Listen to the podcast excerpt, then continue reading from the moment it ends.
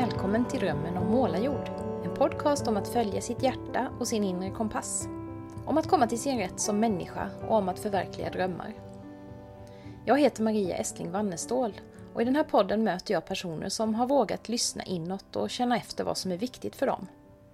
Jag inspireras av deras berättelser och det hoppas jag att du också ska göra. Just nu är jag lite sådär hög på livet. Jag har precis för tredje gången varit på en fantastiskt härlig skrivhelg på Öland tillsammans med vänner, bekanta och några helt nya bekantskaper som alla snabbt kände som en stor familj. Vi har skrivit och skrivit och skrivit, var och en på sitt projekt, men ändå i gemenskap. Och ätit och promenerat och samtalat och sjungit och spelat. Det har varit en sån där helg när det blir ändå mer tydligt än vanligt att jag har hittat min inre kompass. Att jag kommer till min rätt som människa så mycket mer nu än tidigare när jag får ägna en del av mitt liv åt skrivande. Vi som var på Öland var alla i olika faser och typer av skrivande. Men alla var överens om att det är eller kan bli en viktig del av våra liv. Som en av deltagarna beskrev det. Ni gav mig nyckeln till det jag saknat. Min äldsta dotter Sanna, som var den som jag började de här skrivutflykterna tillsammans med för flera år sedan, hon hade också en sån där riktig följa sitt hjärta-helg. Hon reste till Rättvik och tillbringade ett par dagar tillsammans med min poddgäst i avsnitt 5, Anna Lovind, som arbetar med att hjälpa människor att släppa loss sin kreativitet och förverkliga den typen av drömmar. Sanna kommer också att dyka upp här i podden framöver, eftersom hon redan har gjort så många kloka insikter på temat att följa sitt hjärta, trots att hon bara är 25 år. Gräv där du står, tänker jag, och använd dig av inspirationen där mitt i dina egna nätverk också.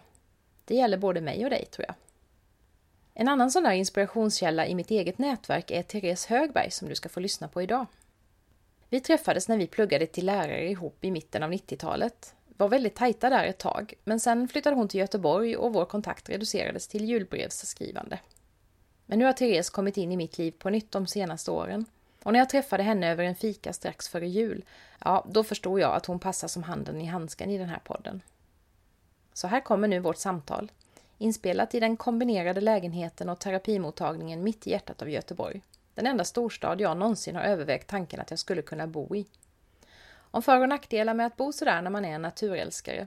Det är en av de saker vi pratar om i ett öppenhjärtigt samtal om den minst sagt krokiga väg som Therese har vandrat för att hitta och följa sin egen kompass. Varsågoda!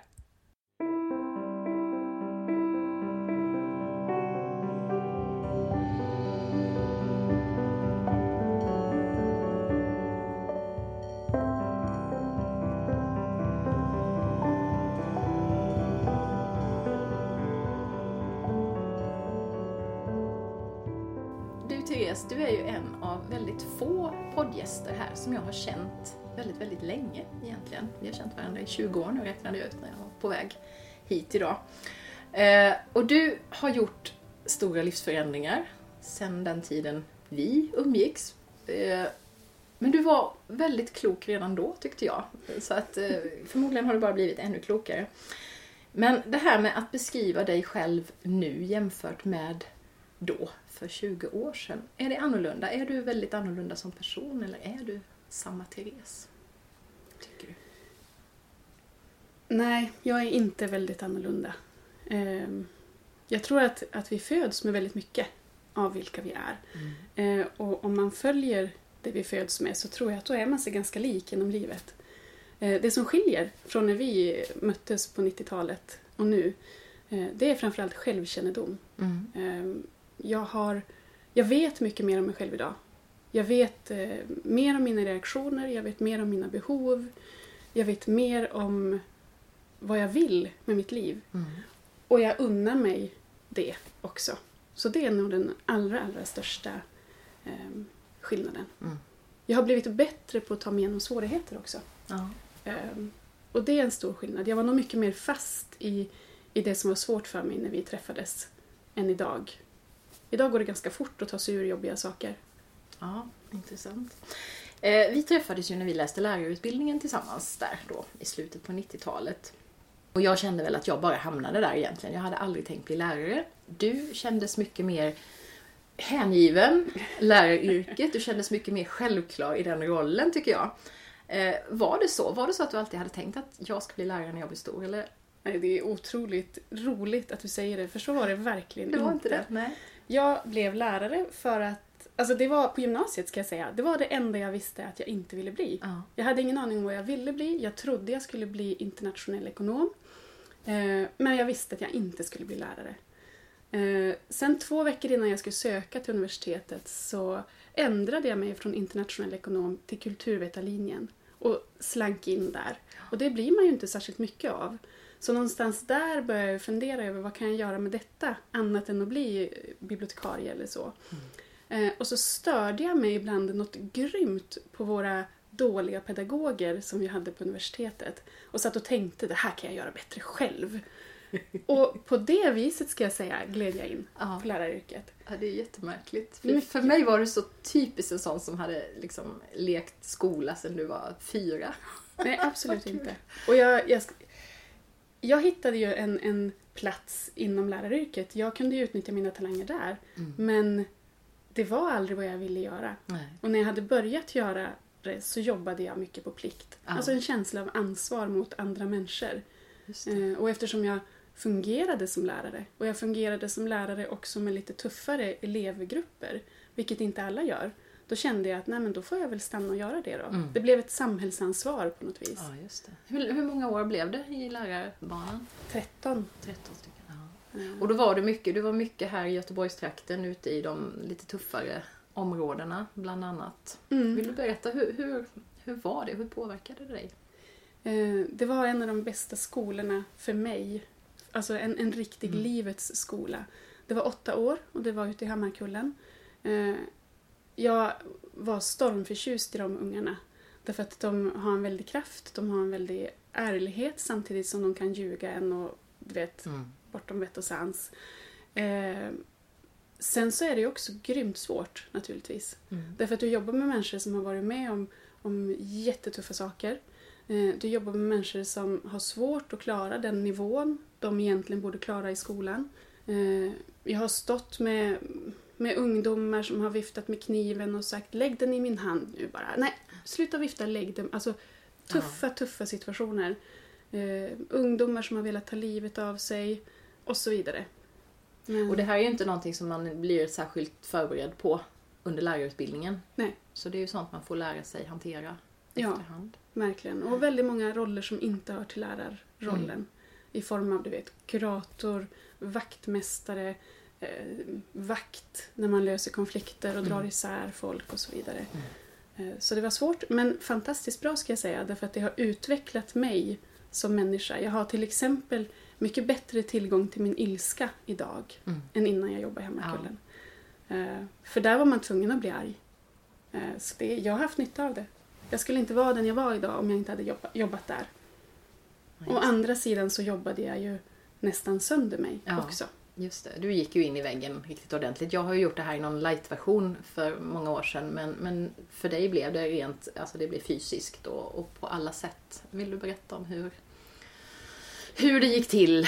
Ehm, Eller hur du kom fram till att det inte funkade längre? Alltså till att börja med så började ju det egentligen tre år in i yrket. För tre år in i yrket då blev jag sjukskriven några veckor i slutet på en termin innan en semester. Ehm, så, så det hade egentligen rötter väldigt långt bak i min lärarkarriär. Mm. Eh, och redan där så visste jag nog att jag egentligen inte skulle jobba som lärare. Eh, därför att jag gruvade lite. När jag var borta från skolan och skulle tillbaka efter en semester eller så, så gruvade jag. Eh, och hade inte riktigt lust. Eh, Men, jag, du tog inte den signalen på Nej, allvar jag då? tog inte den Mm. signalen på allvar. Av trygghet, Mm. alltså trygghetsskäl. För det är ändå ekonomi och fasta anställningar i kommunen, de håller man gärna hårt i. Eh, och sen som sagt en känsla av plikt och ansvar. Mm. Jättemycket. Så jag fortsatte. Eh, och jobbade på och försökte och försökte och försökte styra upp arbetssituationen. Alltså sätta en ram för arbetssituationen, bestämma mig för att men vi har betalt för 45 timmar. Då gör jag inte mer än 45 timmar. Problemet för mig var bara att för att rymmas inom 45 timmar så fick jag emellanåt tumma på den kvalitet som jag vill ha Mm. som lärare. Eh, och då fick jag ingen riktig arbetstillfredsställelse. Så det var en av de stora sakerna som sen tippade mig- över kanten. Mm. Det andra skulle jag säga är att, eh, att möta ungdomar dagligdags i skolan. Eh, tidigt kunna säga vad de behöver i form av vid sidan om resurser. Mm. Alltså sånt som jag inte kan ge. Det kan vara en insats i familjen eller den typen av saker. Eh, och så får de inte det. Eh, för att vid sidan om-funktionerna inte riktigt fungerar. Eller att samarbetet med skolan och dem inte riktigt fungerar. Och då var tvungen som lärare att möta dem varje dag och se hur de går ner sig. Det var fullständigt outhärdligt Ja. för mig. Därför att det är ju slöseri med mänskliga resurser. Ja. Människor som jag vet hade gått att rädda. Och, och min övertygelse är att den absoluta majoriteten av alla de elever jag har mött skulle klara skolan alldeles utmärkt med rätt hjälp. Det är väldigt, väldigt få som, som egentligen har det så svårt att de inte eller kan klara skolan. Eh, Ja, så, så en enorm frustration i, i ja, det här att inte kunna göra det ja. som du såg skulle vara möjligt. Ja. Dessutom så var det ju så för mig eh, att ju mer jag gjorde desto fler hann jag rädda. Mm. Så jobbade jag tre timmar extra, då hann jag med en sak Just till. det, då blev det ditt ansvar ännu mer. Liksom. Ja, Mm. Jag hade kunnat, alltså det var verkligen så att det gav effekt om jag jobbade fler timmar. Mm. Eh, och lät jag bli att jobba, då, då vet jag att jag missade folk. Eller då hann jag inte med att rädda situationer som jag annars hade kunnat rädda. Mm. Så det var fullständigt livsfarligt. Så nej, jag jobbade sönder mig. Jag fick, som du säger, eh, massa fysiska symptom. Jag, till, mot slutet så orkade jag bara sju timmar av aktivitet. Jag gick till min, till min chef, min rektor, och så sa jag att bara så du vet så orkar jag fram till halv tre på eftermiddagarna. Sen så fungerar inte jag. Och hon lyssnade på mig och sa ja men jättebra att du säger det men eftersom jag antagligen formulerar mig så vältaligt så lät det inte så allvarligt. Nej. Tills hon en dag fick se mig vid halv tre. Eh, då förstod hon att det inte var bra. För det som hände då, det var att tårarna kunde rinna helt obehärskat till exempel. Eh, jag var så yr att jag var tvungen att hålla mig i bordet eller katedern när jag undervisade för att veta vad som var upp och ner. Jag sov kanske i runda slängar fyra timmar per natt. Orosnivån var otroligt hög. Eh, magen rasade. Du vet, Hela kroppen. Hela kroppen bara packade ihop. Så det var hon som skickade mig till, lä- till läkaren. Mm. Jag hade sökt tjänstledigt. För jag hade redan vid påsk den, den våren bestämt mig för att eh, jag ska inte fortsätta som lärare. Nej. Jag ska ta en paus, jag ska jobba på ICA. Någonting helt annat. Eh, gick till en läkare redan då. Eh, men han tittade på mig och sa att nej, du är bara lite spänd i nacken. Ja. Det är nyttigt för dig att arbeta. Okej, tänkte jag. Då gör jag väl det. Han borde ju veta. Mm. Eh, Men sen när hon såg mig då fram i, fram i juni, då sa hon du ska ju inte vara tjänstledig, du ska vara sjukskriven. Min chef alltså. Och så skickade hon mig till företagshälsan. Och företagshälsan det var en ganska sträng rysk kvinna som spände ögonen i mig, gjorde ni vet, tester på ångestnivå och det ena med det tredje och sen sa hon bara du ska inte gå tillbaka till det jobbet. Och så sa jag, ja men vänta nu, jag är ensam i teamet där idag och det är 45 ungdomar. Du ska inte gå tillbaka till det jobbet. Och så ringde hon upp min chef och bara sa, Therese kommer inte tillbaka, klick. Och så gick det till. Ja. Så du fick lite hjälp med att ta det där beslutet om att du skulle hoppa av som lärare. Det var, skulle inte bara bli en paus på ICA utan... Nej, precis. Mm. Hur kändes det då? Att någon annan kommer och, och talar om en sån sak för en? Alltså mycket förvirrande. Ehm, För du har ju varit så van att, att ändå, jag menar, vara sådär kompetent och hålla koll på allting och ta eget ansvar och så. Så Ja, ja. säger någon annan till en att hallå där, du har missuppfattat ja. Nej. livet. Förvirrande och lite förödmjukande. Mm. Men också, om jag ska vara ärlig, ganska skönt. Mm. Att någon faktiskt satte stopp. Ja. Eh, och att det var en läkare som gjorde det, så att jag kunde våga börja lyssna på det. Just det. Det känner jag igen från när jag gick då med min light utmattning till Mm. vår kurator och hon sa att nej men Maria det är inte normalt att leva så som du gör. Och det, och det var ju också sådär, va? Är jag inte normal? Nej. nej, det är inte normalt att ha dåligt samvete för att man tittar på TV en timme en, i veckan liksom. nej. Och, men, men just att det också var skönt att någon vågade säga det, det tyckte jag också var, det var en sån lättnad liksom att, ja, Mm. att plötsligt lämna över det i någon annans knä lite grann så. Det, Mm. ja. Och sen var det lika skönt att ta tillbaka det. Mm. Därför att jag blev ju sjukskriven till en början över sommaren kan man säga. Ja. Det var precis innan min semester skulle börja som jag fick eh, bli sjukskriven. Eh, och sen börjar man ju trappa ner sjukskrivningen och trappar upp jobbet. Eh, men då bestämde jag mig för att inte göra det. Utan Nej. istället trappade jag upp tjänstledigheten. Eh, Det blev jag rekommenderad att inte göra så därför att arbetsgivaren skulle ju gubevars ta sitt rehabiliteringsansvar. Precis. Men jag gjorde bedömningen att det rehabiliteringsansvar de skulle ta för mig, det hade inte hjälpt mig ett dugg. Utan det var bättre att jag istället trappade upp det egna ansvaret. Mm. Eh, Så jag levde på sparade pengar och började en omorientering. Hur länge var du liksom borta från all eh, yrkesverksamhet eller så? Alltså, ledig eller vad ska man säga? Det är svårt att säga sjukskriven då för då var du tjänstledig Ja, men, också. Men, men eh, men borta från jobb, det var jag. Jag blev sjukskriven i juni mm. och var ledig hela hösten och började i februari sen utbilda mig till massör. Ja. Så det är alltså, vad blir det, sju, åtta månader. Och det var ett absolut minimum. Därför att jag var ju på inga sätt återställd i februari. Nej. Det var med nöd och näppe jag klarade att läsa till massör. Och sen gjorde jag det fram till sommaren kan man säga. Eh, sen fick jag igen ta en paus. Den påföljande hösten var jag i princip också helt ledig. Därför att då hade jag på något vis tärt på mina Ja, resurser. du hade ju byggt upp det här under så lång tid så det är ju inte en quick fix som funkar då. Liksom. Nej. Hur kom du på att du skulle bli massör? Eh, jag och min man gick en helgkurs tillsammans i massage. Eh, och, upptäck, och, så då, och då upptäckte jag att det var inte bara skönt att få massage utan det var väldigt skönt och behagligt att ge massage. Att man blir lugn av att göra det. Och att det mjukar upp massörens kropp på ett väldigt trevligt sätt. Ja. Eh, ja, Han du jobba som massör? För du, nu är du inne på en ny bana som Ja. vi ska prata om strax. Men precis. Nej, det hann du jag hann inte. aldrig få någon sån Eh. Jag skulle fortsatt plugga efter den sommaren till Mm. massageterapeut. Men mina handleder höll inte. För man vilar sin tyngd på, på Just det. handlederna. Eh, Och det var lite snopet. Därför att nu hade jag äntligen hittat något som jag tyckte var roligt. Mm. Och att då bli fråntagen det också. Ja. Eh, Det kanske också bidrog till att jag var tvungen den hösten att, fortsätta pausen. Ja. Därför att någon ryckte undan mattan under fötterna på mig lite. Mm. Igen. En gång till ja. Ja. Eh, Alltså, hur, hur lyckades du ta dig upp och hitta en ny väg i detta då? Först surade jag väl lite, kan jag väl säga. Därför då, det är ju inte så roligt när man äntligen har hittat något och så får börja om. Jag trodde det skulle vara nästan omöjligt att hitta någonting en gång till. Men det jag gjorde under den hösten var att jag började fundera på vem är jag? Vad tycker jag är roligt?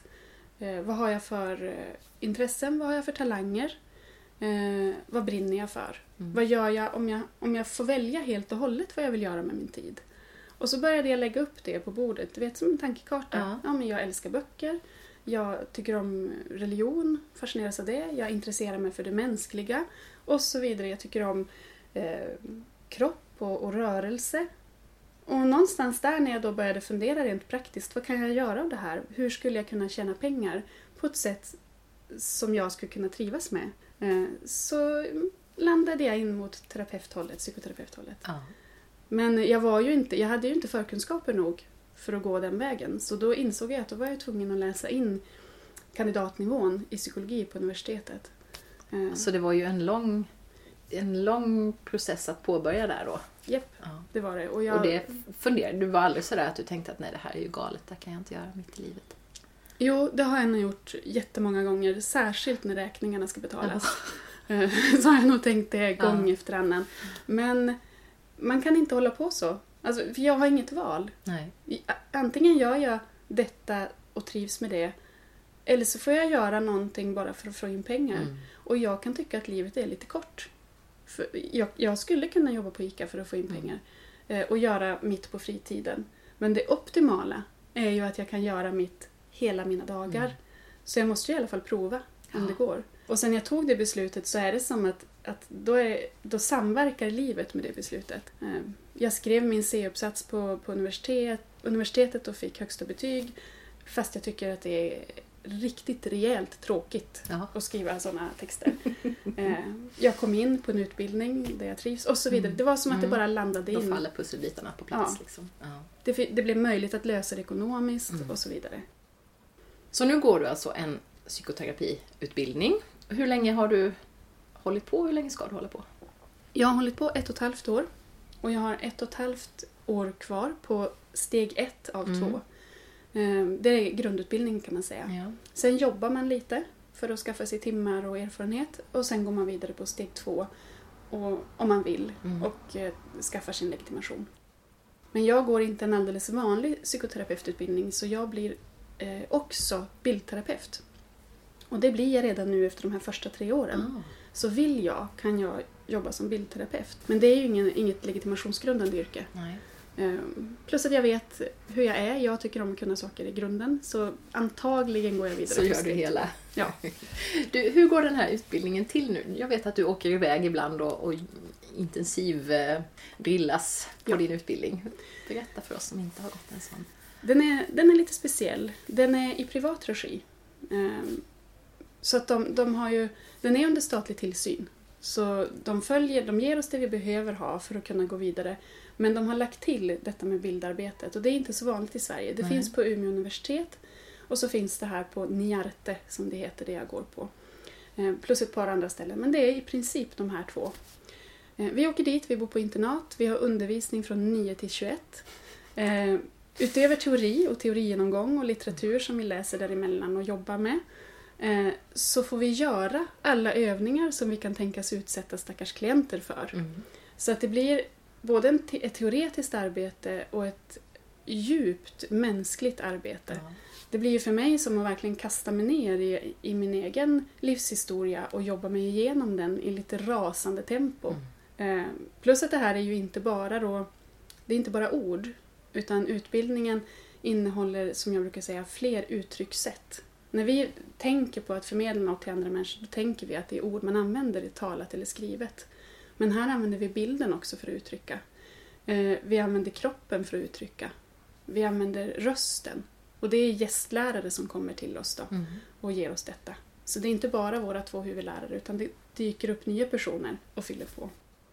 Och det som är, tycker jag, unikt kanske för de här som är utbildade på min skola, det är att vi inte bara utgår ifrån vad forskningen säger och de, de redan tidigare givna metoderna som finns inom det psykoterapeutiska området, utan vi tränas i att använda vår intuition Mm. i mötet med andra människor. Och den vetenskapliga grunden till det, det är våra spegelneuroner. Som vi kan använda väldigt mycket mer än vad vi tror. Det vill säga, när vi möter andra människor så speglar vi väldigt mycket mer av den människan än vi kanske tror. Om vi lär oss att, att känna in det i vårt eget system. Så det handlar om när jag sätter mig med en människa att jag, jag försöker vara närvarande med den individen eh, och så iakttar jag vad som väcks i mig. Därför det som väcks i mig kan lika mycket vara en spegling av den andra personen som det kommer från det egna systemet. Det. Och så lär man sig använda det som ett redskap. Vad spännande. Otroligt spännande. Eh, inte helt enkelt, Nej. för hur skiljer man på det egna och det man speglar? klientens, ja visst. Eh, Men eh, mycket spännande. Och Ja. jag har, ju, jag har ju redan nu övningsklienter som jag arbetar med. Mm. Eh, Och jag märker redan nu att om jag låter bli att vara duktig, det vill säga jag låter bli att följa metoden stenhårt och istället fokuserar på det intuitiva, då får jag en kontakt med klienten som jag tror är bra Mm. för, för dens utveckling. Ja. Känner du att du har nytta av livet som eh, lärare i det här? Eh, du har ju ändå mött en massa människor. Du, har ju haft väldigt mycket fokus på det mänskliga jämfört med om du hade varit eh, datatekniker eller någonting annat. Jo, men visst har jag det. Därför att i mötet med mina elever har jag ju fått lära känna mig själv. Jag har fått lära mig väldigt mycket om mina reaktioner. Så jag vet när jag går in i terapirummet lite vem jag är. Och det gör att jag kan upptäcka att en del reaktioner inte hör riktigt hemma hos mig. Nej. Och då kan jag börja fundera på om det kommer från den andra istället. Eh, Så på det sättet. Eh, Sen har jag ju också lärt mig vara orädd i mötet med människor. Eh, Jag har lärt mig att mötet bär. Att ingenting kan egentligen hända mellan oss två som, som förstör fullständigt. Utan om det händer någonting svårt, då handlar det bara om att fånga det Mm. och ta hand om det. Det har jag ju nytta av. Sen är det också lite, jag får vara lite försiktig därför att det är väldigt lätt att bara överföra den Mm. pedagogiska erfarenheten till den psykoterapeutiska. Eh, Och riktigt så enkelt är det inte. Utan jag får lite, vara lite vaksam på, på mina gamla rutiner ifrån läraryrket så att jag inte bara plockar in dem rakt upp och ner. Jag behöver fundera på varför ska jag göra det? Vad genererar det i det här nya sammanhanget? Och så behåller jag en del och gör mig av med annat. Ja, fantastiskt spännande och, och lärorikt kan jag tänka mig. Du, eh, det här med att, att byta bana så. Det är ju ganska radikalt även om det, du använder en del av dina tidigare erfarenheter. Så. Vad tycker du, vad är, vad är de för, största för och nackdelarna med att göra en sån här grej? Du är ju inte jättegammal men du, Nej. du är fortfarande Jag är mitt i livet. mitt i livet. Ja. Klyscha. Eh, klyscha. Ja, den största fördelen är ju välmåendet. Ja. Eh, jag är lycklig. Jag är lycklig varje dag. Eh, och med, med lycka menar jag ju då inte den här euforiska Hollywood-lyckan. Jag menar, jag är förnöjd. Jag vaknar och tycker om mina dagar. Jag går och lägger mig och är nöjd med mina dagar. Så det är den absolut största fördelen. Och med tanke på att, som jag sa innan, livet är ganska kort. eh, Så vill jag ju gärna må bra samtidigt som jag gör nytta de här dagarna vi lever. Eh, Den största nackdelen, det är nog ekonomin. Mm. Eh, Det är svårt att få ihop det. Eh, Och jag har fått vara beredd på att göra omprioriteringar. Jag har fått avstå materiella saker för att Mm. klara av detta. Vi har fått ställa om hela vår du vet, utgiftssida. Ja.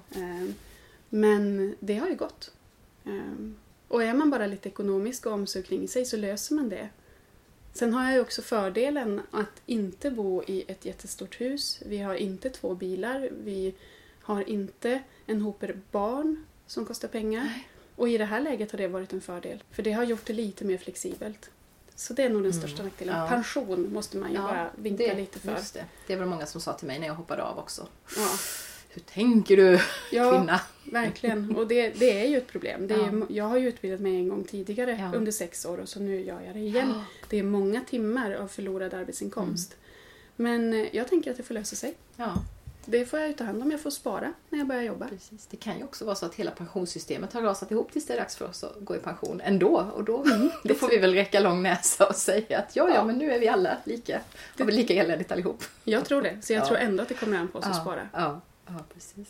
Ja, så du, du är ju verkligen, du har ju hittat den där inre kompassen nu kan man väl säga som Mm. egentligen hela den här podden handlar om. Du, du är på rätt väg. Och hur, hur vet du? du? Du sa det, du vaknar lycklig och tillfreds. Är det det som är kvittot liksom på att, att du är på rätt väg nu?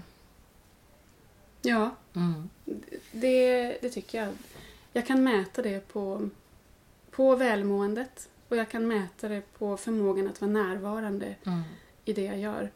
Ehm, Om man är för hårt pressad, då tenderar ju vi människor att, att fly från det som pressar oss på ena eller andra sättet. Och jag märker att nu kan jag vara där jag är, därför att saker pressar mig inte för hårt. Ehm, Jag kan vara där med bibevarad känslighet. Ehm, Jag behöver inte skydda mig så mycket. Nej. Försvaren behöver inte vara så aktiva. Utan jag kan finnas där och, ja, på ett transparent sätt helt enkelt. Jag, Mm. kan, jag kan vara där öppen, eh, empatisk för andra människor. På det sättet kanske jag kan se det. Där jag innan var tvungen att stänga om saker och då Ja, tappade jag kanske förmågan att vara empatisk och känna in. För att det blev hotfullt. Mm. Nu kan jag vara närvarande och jag Mm. mår bra. Och du kan, du kan vara med dig själv kanske också i det då. För Ja. du är ju en empatisk person. Ja, det kanske tänker jag jag. är. Jo, men det tror jag. Det är min, min känsla av dig. Då får, du ju, då får du ju komma till din rätt på ett annat sätt Ja. än vad du kunde göra tidigare.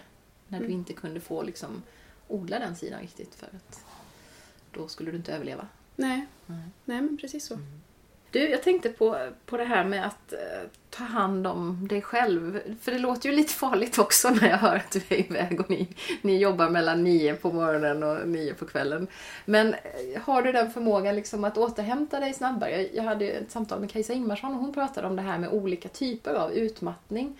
Mm. Att, vara, att bli utmattad eller utbränd för att man är på fel plats eller för att förutsättningarna är helt fel jämfört med att ge allt i någonting som man verkligen älskar. Och hon såg ju en skillnad där, att hon tyckte det var mycket lättare att återhämta sig numera när Mm. hon har hittat den där eh, kompassen eller ja, liksom gör det som känns mer som henne.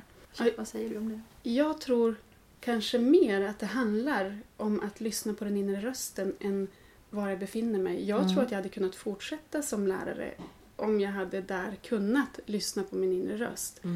Eh, vilket i och för sig är lite paradoxalt därför att genom att stanna där så gjorde jag ju inte riktigt Nej. det. Eh, men det är nog det som är avgörande. Mm. Att, att lyssna inåt. Och det kan du kalla att gå på lust eh, istället för plikt. Du kan kalla det att, att varje dag tänka på döden. Mm. Om, du, om jag dör imorgon, vad är viktigt för mig att göra idag? Eh, men lyssna inåt, att tro på det den inre rösten säger. Därför att alla har vi den rösten. Mm. Och om vi lyssnar inåt så kommer den att säga det är det här du ska göra. Jag vill det här, jag vill inte det här. Ehm, det är en viktig aspekt. Sen en annan viktig aspekt att etablera kontakt med sina kraftkällor. Mm. Att lära känna sina kraftkällor. Eh, Därför det första att, att gå på den inre rösten det är ju som du säger en kompass. Mm. Och det hjälper dig att, att vila tillräckligt mycket. För då känner du också när du är trött och du, Mm. du kan vila i kapp. Men du kan också behöva fylla på. Och du behöver lära dig var hämtar du kraft någonstans. Mm. Och så behöver du se till aktivt. Att få den påfyllningen då. Ja. Ja. Hur får du din, du din kraft? Var har du din kraftkälla någonstans? Jag har den i de allra närmaste relationerna. Mm. Där jag blir bekräftad. Eh, oavsett vad jag gör. Jag har den väldigt, väldigt mycket i, i natur. Eh, att, känna, att vara ute i naturen och känna att jag är en del av det levande. Och på det sättet ganska liten. Att jag inte är särskilt viktig. Eh, för det är vi faktiskt Nej, inte. Vi kan det. tycka att vi är viktiga men egentligen så är vi bara en del utav Mm. allt detta. Och det ger mig kraft. Märkligt nog kanske. eh, Att inte vara så viktig själv. Ja, men det är lite det där att få lite distans och kunna se, se Ja. sig själv lite utifrån också. Läsning Mm. är en viktig kraftkälla för mig. Det är väldigt vilsamt för mig att läsa. Eh, Det är också väldigt viktigt att ta hand om kroppen. Och det är sånt där som du vet, folk i vården gärna tjatar på en om. Mm. Att man måste äta, sova, motionera och så tänker man ja, ja, ja.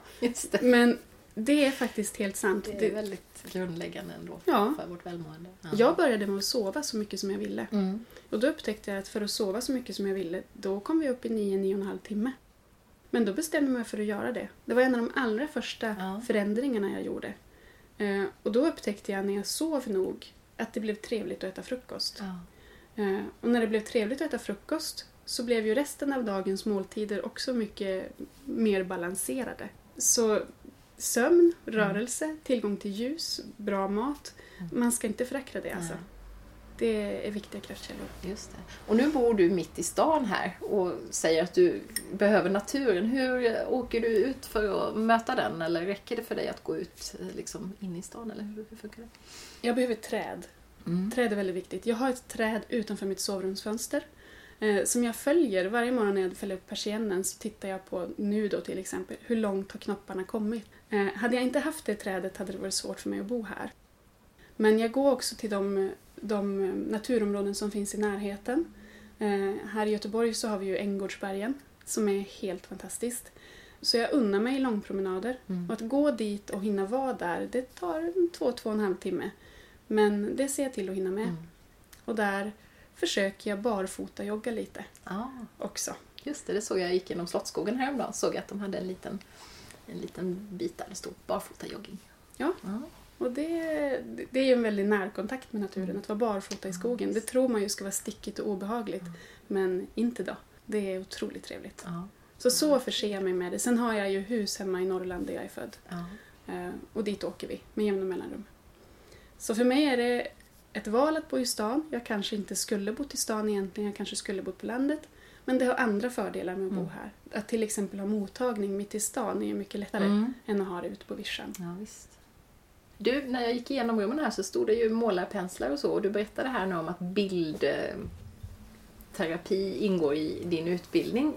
Målar du själv också? Är det en del av, av din kraftkälla eller är det här något nödvändigt ont som du måste kämpa igenom? Min spontana reaktion är gud nej. Nej. Därför att jag har väl inte varit en målande människa. Jag har inte Nej. tänkt på mig som, som att jag har någon talang på det området. Eh, Men på min utbildning har jag förstått att det här handlar inte om att ha talang för att forma en tekniskt avancerad färdig produkt. Det, det är inte något föreställande vi håller på med. Utan det handlar om att där, där hjärnan använder orden för att uttrycka sig så använder kroppen rörelse. Mm. Och rörelsen kan du helt enkelt låta övergå I till- penseln. i pensel Mm. och så blir det färg på ett papper. Eh, Så det, det är att låta kroppen tala helt enkelt. Ja. Och därför måste jag säga att ja, nu målar jag själv. Mm. När jag är i någonting som upptar mig, en svår känsla eller ett problem. Eh, eller för den delen en, en glädje som jag vill bekräfta och som jag vill lära känna närmare. Då ställer jag mig och ger uttryck för det. Mm. Eh, för det hjälper mig vidare i processen. Eh, jag upptäcker nya saker genom att se på det som kommer ut på pappret. Mm. Eh, och det kan också vara som jag sa, bekräftande. Så att om jag har en känsla jag vill behålla, då kan jag etablera den Ja, genom att måla den. just det. Lite som att man lyssnar på en viss typ av musik när man är i en viss känsla så kanske. Ja. Plus att det Förstärker. fina med bilden är ju att, att den skapar möjlighet till dialog. Mm. Genom att jag lyfter ut det som är i mig och, och lägger det på ett papper utanför mig så blir det lättare att iaktta det som är i mig. Så att jag kan både känna det inuti mig och vara i det men också distansera mig ifrån det och reflektera över det. Eh, Det, det är bäst att beskriva det som en relation. Ja. Det uppstår en relation mellan mig och bilden. Det, Och relationer i sig är ju läkande. Ja. Det blir en, en, för varje ny relation vi har så får vi möjligheter till nya relationella erfarenheter. Och det är ju det som formar oss. Det är Mm. det som, som hjärnan svarar mest på. Så Det mänskliga. det mänskliga. Precis. Ja, just det. Du, jag tänkte så här, om det är någon som lyssnar nu som är där du var för några år sedan, mitt i det här utmattningsmörkret. Antingen kvar på en arbetsplats där det inte fungerar eller för att man har råkat ut för någonting. Har du någonting, man kan inte lösa någonting med quick fix, det vet jag, men har du någon tanke du skulle vilja skicka med? Någon erfarenhet eller någonting som du kände då? Någonting som du hade velat höra någon säga till dig när du var i det? Ja, jag har ju en, en hoper praktiska tips. Ja. Men, men det allra, allra viktigaste det är att du vet redan Mm. vad det är du behöver göra. Därför att det finns en röst i dig som säger vad du vill och vad du inte vill. Och du har rätt att lyssna på den. Det är väl det allra, allra viktigaste. Alltså börja lyssna inåt. Eh, följ det som den rösten säger. Mm. Eh, det är första steget. Sen kommer massa annat. Det kommer de här sakerna som vi har pratat om tidigare här i podden. Ta reda på vilka dina kraftkällor är. Eh, ta hand om din kropp.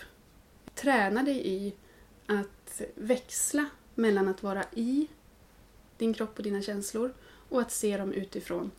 Och det kan du göra genom terapi, det kan man göra genom samtal med nära vänner, man kan göra det genom att träna sig i meditation. Eh, alla de sakerna är ju också viktiga.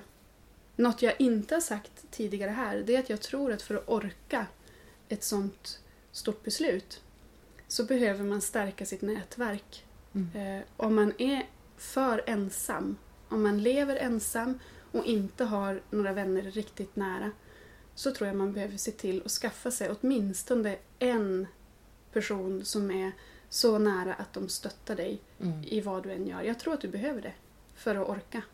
Eh, Att klara det på helt egen hand, det tror jag är svårt. Mm. Och det är möjligt. Det är bara en fråga om att närma sig andra människor Mm. och att våga visa sig för andra människor. Så etablerar vi kontakt med dem. Mm. Sen behövs ju mod. Eh, Det ska man inte sticka under stol med. Man måste våga Mm. göra det. Och vågar vi inte, då kommer det aldrig att hända. Nej. Eh, Och för att våga så brukar jag säga att man kan träna sig i att lita på världen. Och, och, och tänka att de problem som kan uppstå är faktiskt praktiska problem. Och de går att lösa. Kan man inte lösa dem själv så finns det massa fantastiska resurser i vårt samhälle som kan hjälpa en lösa praktiska problem. Eh, Så att, att, att faktiskt förminska problemen lite och tänka att det där är någonting yttre, det är någonting praktiskt, det går att lösa. Jag menar, kan man, kan man försonas i krig, så nog tusan ska man kunna ta hand om ett praktiskt problem i ett ynka litet människoliv. Eh, Så var modig, eh, ha tillit till att problemen går att lösa. Ja, Mm. Och något som jag tycker är viktigt när man pratar om mod, det är ju att mod är ju inte detsamma, sak, detsamma som att inte vara rädd. Utan Nej, nej. att ha mod är ju att vara jätterädd ja. och ändå göra det. Liksom. Att, att, ehm, det... ja att upptäcka att man inte dör av det. Precis. det. För det gör man inte. Det kan Nej. kännas fullständigt livsfarligt. Mm. Men jag brukar säga skilj på det som är farligt och det som bara är skrämmande. Mm. För det som bara är skrämmande, det blir man starkare av att ta sig igenom. Det. Men det som är farligt på riktigt, till exempel dricka saltsyra, Mm. det ska man undvika. Håller oss borta ifrån. ja, Ja, visst. Och det är ju sånt där som kanske kan, det kan vara lockande ibland att ta till de där sakerna som faktiskt är farliga för ett fly också. Jag tänker på alkohol och droger och så. Att det kan ju vara Ja. ett, ja, då lyssnar vi in, då ska vi inte lyssna om den inre rösten säger sådana saker till oss. För det tänkte, det slog mig faktiskt eh, häromdagen eh, att det här med inre röst, det är ju något som jag har pratat om länge också, att, att jag har vågat lyssna på den. Men så tänkte jag att vi har ju ibland inre röster som inte är bra för oss också. Jag tänker Mm. nu på när du jobbade i skolvärlden och den där inre rösten som var där liksom på något sätt och sa att du skulle fortsätta av plikt. Det, det, var, inte den, det var inte den äkta inre rösten men ibland tänker jag att när man inte är van så kan det vara väldigt svårt att skilja på mm. de där olika rösterna. De som faktiskt hjälper oss och de som inte gör det. Så Mm. det är ju också en träningssak. ja, och du har helt rätt i det. Och därför tror jag att, precis som du sa innan, det här är inget, inget du gör snabbt. Därför att det bygger på självkännedom. Du behöver lära känna dig själv så att du kan börja eh, gradera de där rösterna. För huvud, våra huvuden är ju fulla av röster. Men något som är väldigt bra, det är ju till exempel att, att iaktta rösterna och se vilka som är övergående och inte. Ja. Därför att det som man kan betrakta som sanna inre röster, de blir kvar. Mm. Medan jag är sugen på ett glas vin eller nej, nu vill jag bara gå härifrån. Det är ju övergående Ja, röster. Men jag, att träna självkännedom Mm. är väldigt viktigt och det är ett, ett långsiktigt arbete som går via till exempel meditation Mm. eller terapi eller så. Ja, jättespännande. Du, hur tänker du nu då? Nu är du mitt uppe i din utbildning och du har börjat ta emot lite övningsklienter. Men du har tänkt att du ska ha egen mottagning Mm. här hemma. Så du, du, inte, du har inte någon tanke på att bli anställd någonstans utan du ska köra i egen regi. Ja. Hur ska du, vad, vad har du för tankar om det? Hur ska du få dina klienter och hur, hur ska du jobba? Tänkt dig? Ehm, Det känns viktigt för mig till att börja med att vara i egen regi därför att jag är lite trött på att vara anställd. Eh, Jag är en ledartyp. Eh, Trivs med att leda och nu vill jag leda mig själv. Jag är lite trött på att, att hela tiden dra andra med mig. Eh, Så att, att eh, vara min egen, jag tar gärna ansvaret för det. Eh, för att slippa allt runt omkring så. Eh, Jag vill vara hemma, det är viktigt. Jag vill ha nära hem. Jag tycker om att vara hemma. Så jag vill inte lägga som jag har gjort när jag jobbat som lärare två timmar per dag på att pendla till jobbet. Det är slöseri med timmar. Så mottagning i väldigt nära anslutning till hemmet känns viktigt. Kunder. Jag tänker att det ger sig. Eh, faktiskt tänker jag det. Jag kommer naturligtvis att starta en hemsida. Jag kommer att annon- annonsera. Eh, det handlar om att sprida ordet. Mm. Att säga det till alla man känner att nu är jag på gång och jag behöver det här och det här. Sen hoppas jag att det kommer klienter. Mm. Jag får kanske inte räkna med att bli rik på kuppen. Utan jag får, får räkna med att till en början, om jag jobbar ungefär halvtid, så är det gott och väl. Och med tanke på hur vår ekonomi ser ut idag så är ju halvtid en fantastisk ekonomisk resurs. Så att, för det blir ju en semesterkassa. Liksom. ja, visst. Eh, Så att inte ha för höga förväntningar. Ja, Mm. så ungefär. Det känns som att det kommer gå jättebra. Jag är helt säker på det. Jag tror det också. Ja, det är härligt. att ha tillit. Ja, verkligen. Tusen, tusen tack för att du ville vara med och prata i podden. Jag har fått massor med nya intressanta infallsvinklar och idéer och tankar. Och lycka till med utbildningen först och främst och sen med dina framtida klienter. Tack och tack själv.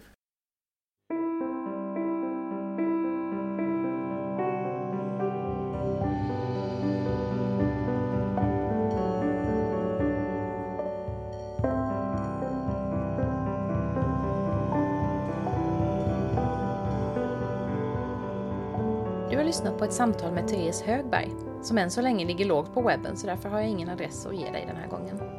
Therese historia illustrerar många av de aspekter som vi har tagit upp tidigare här i podden. Jag tänkte till exempel på det där med uthållighet som Pernilla Holmström och jag pratade om i avsnitt 25. Att man kan behöva ha en sju helvetes envishet med sig i bagaget när ens inre kompass pekar ut en riktning som inte direkt innebär att man kan glida genom livet på en räkmacka. Nej, det är inte alltid lätt att följa sitt hjärtas väg. Men det är för det mesta värt det. Det tror jag alla mina poddgäster kan skriva under på. Det är också flera som, precis som Therese, har vittnat om att när man väl börjar ta de där stegen mot ett liv där man kommer mer till sin rätt, då är det som om livet självt, eller Gud eller universum eller vad man nu tror på, liksom är med och stöttar. Pusselbitar faller på plats. Man möter människor som är bra för en.